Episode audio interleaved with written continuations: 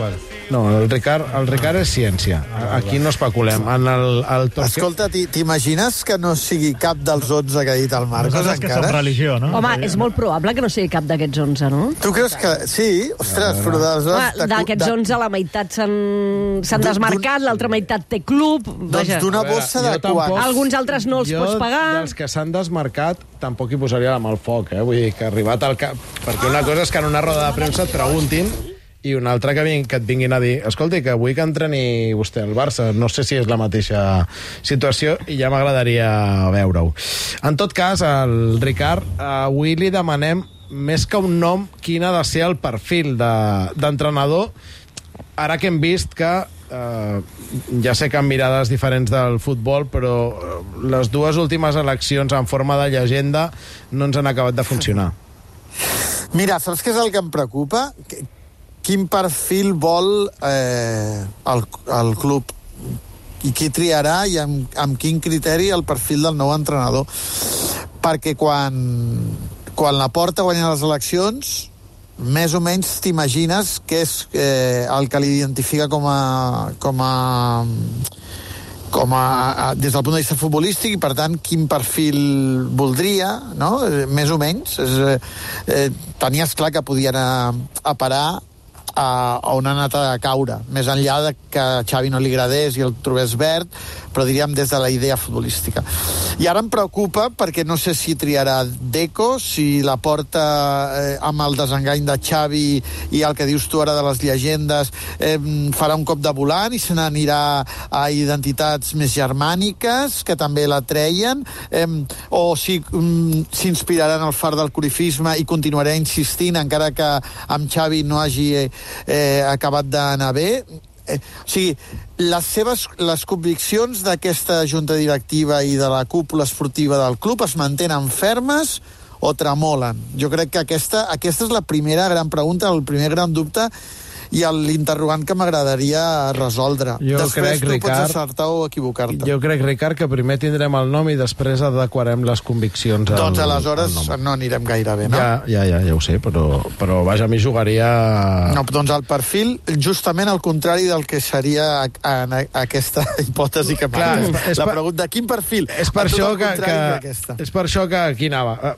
M'agradaria saber quin perfil creus tu que, que ha de tenir, perquè Mira. com que no sabem qui triarà ni amb quins criteris triarà, m'estimo més conèixer el teu. Mira, els gustos eh, són molt particulars i és evident amb quin futbol m'identifico jo i jo crec que això aquesta és una qüestió molt personal i per tant no, no, no la no la puc imposar en una, en, una, en una proposta com la que em fas, no? és simplement un gust personal. El que siga, per mi és molt important que sigui un entrenador eh, amb personalitat i amb identitat futbolística. O sigui, jo, jo crec que l'entrenador que ha de venir ha de venir molt convençut de què sent futbolísticament i què vol transmetre. I, per tant, el president o el director esportiu que el fitxi hauria d'anar de la mà d'això.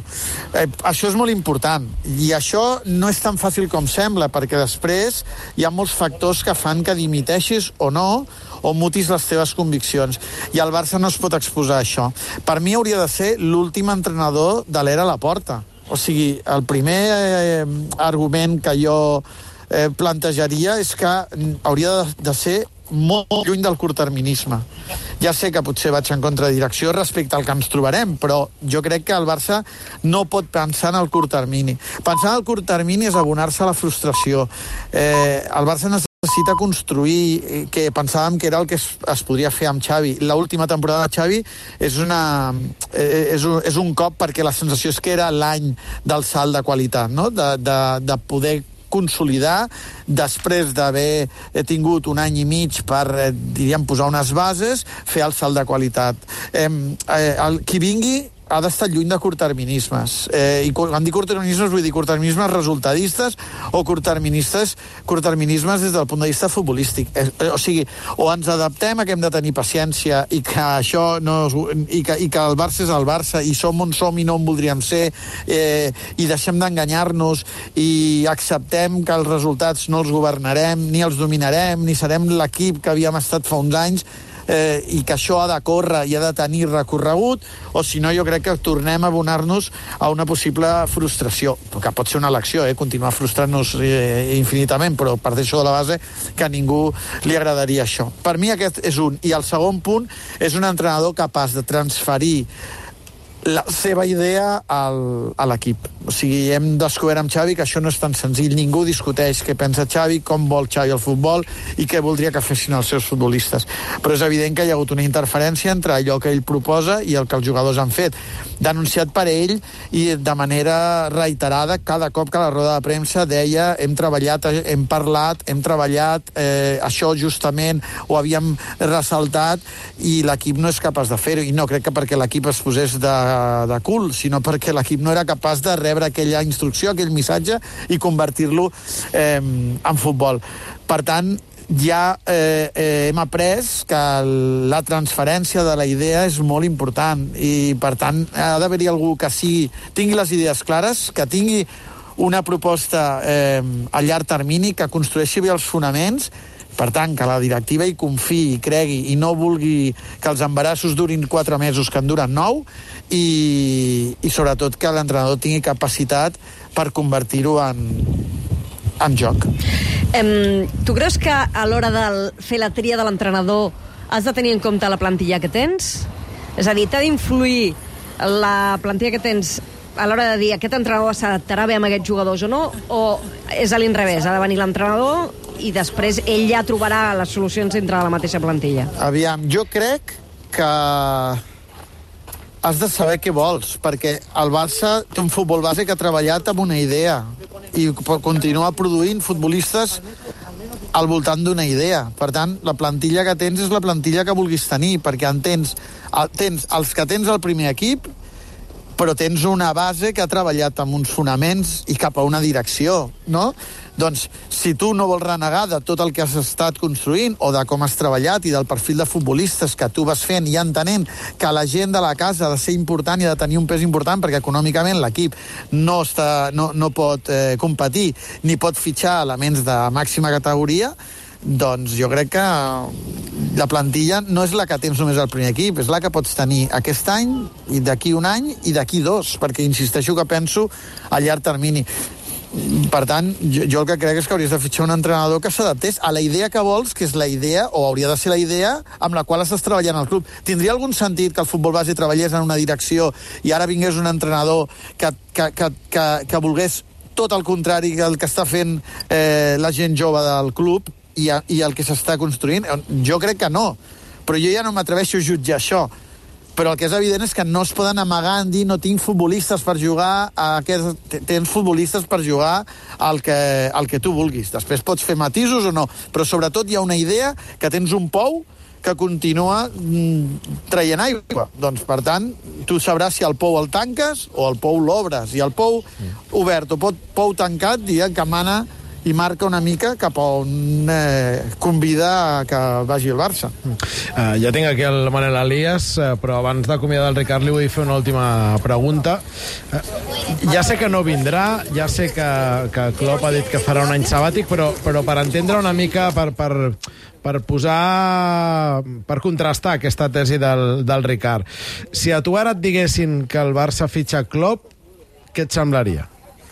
Doncs em semblaria que si el club eh, defensés amb arguments, com deia la Sònia, pogués eh, demostrar que té un equip capaç de, de, de desenvolupar aquesta idea i aquest pla eh, i estiguessin convençuts que aquest és el camí, a mi em pot agradar més o menys, però jo crec que en les, amb els plans, eh, diríem, eh, amb totes les conseqüències.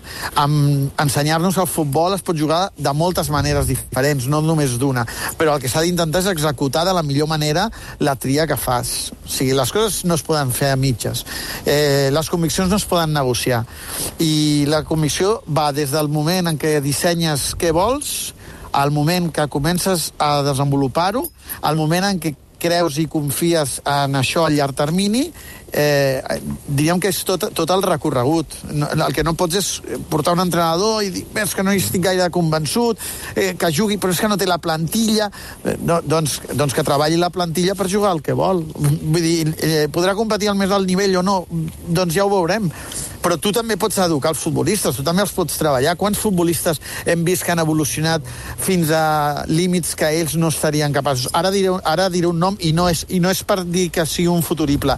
De Zerbi ha treballat al Brighton amb futbolistes que no estaven preparats per defensar la seva idea. El Brighton no guanyarà la Lliga ni guanyarà cap títol, però tu veus el Brighton i veus l'equip de Deservi, amb futbolistes que Deservi no hauria triat per jugar com ells volien, sinó que això s'ha anat fent a poc a poc. Hi ha hagut jugadors que han descobert registres que no sabien ni que tenien, perquè aquell entrenador és capaç de transmetre el que vol. Eh, I, per tant, hi ha moltes maneres, jo crec, de, de treballar. Si ve Klopp, doncs ens adaptarem, ens ensenyarà una altra manera de, de fer, però s'ha de defensar. El que no pot venir Klopp, eh, defensar el corifisme, continuar mm. treballant igual al futbol base, o sigui, les, les decisions tenen eh, moltes perspectives, però totes han d'anar en la mateixa direcció. Si no, les coses no funcionen. Has d'anar eh, amb la màxima decisió a buscar un objectiu. Doncs la selecció del nou entrenador del Barça passa des del punt de vista del Torquelab i de manera primordial per la coherència entre el nom seleccionat i els arguments i els criteris que s'utilitzin per, eh, per justificar-ho. Ricard, anirem veient qui és uh, l'escollit. Vaja, jo seguirem calculo... treballant al laboratori. Veurem si serà molt aviat o molt lluny quan coneixerem la, la identitat del nou inquilí de la banqueta del Barça. Gràcies, Ricard. Adeu.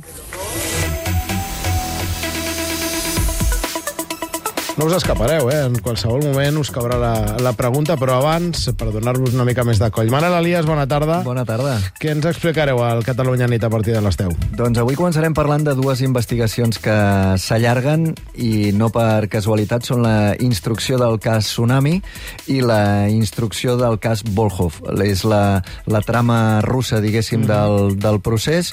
Dos jutges han decidit de demanar més temps per mirar si a darrere hi ha delictes i delictes delictes greus, en el cas del tsunami fins i tot de, de terrorisme, i en el cas Volhov podrien ser de traïció a l'Estat, i tot això perquè demà es vota al Congrés la versió definitiva, en teoria, de la llei d'amnistia. Per tant, mentrestant, eh, aquests dos jutges són dos jutges diferents que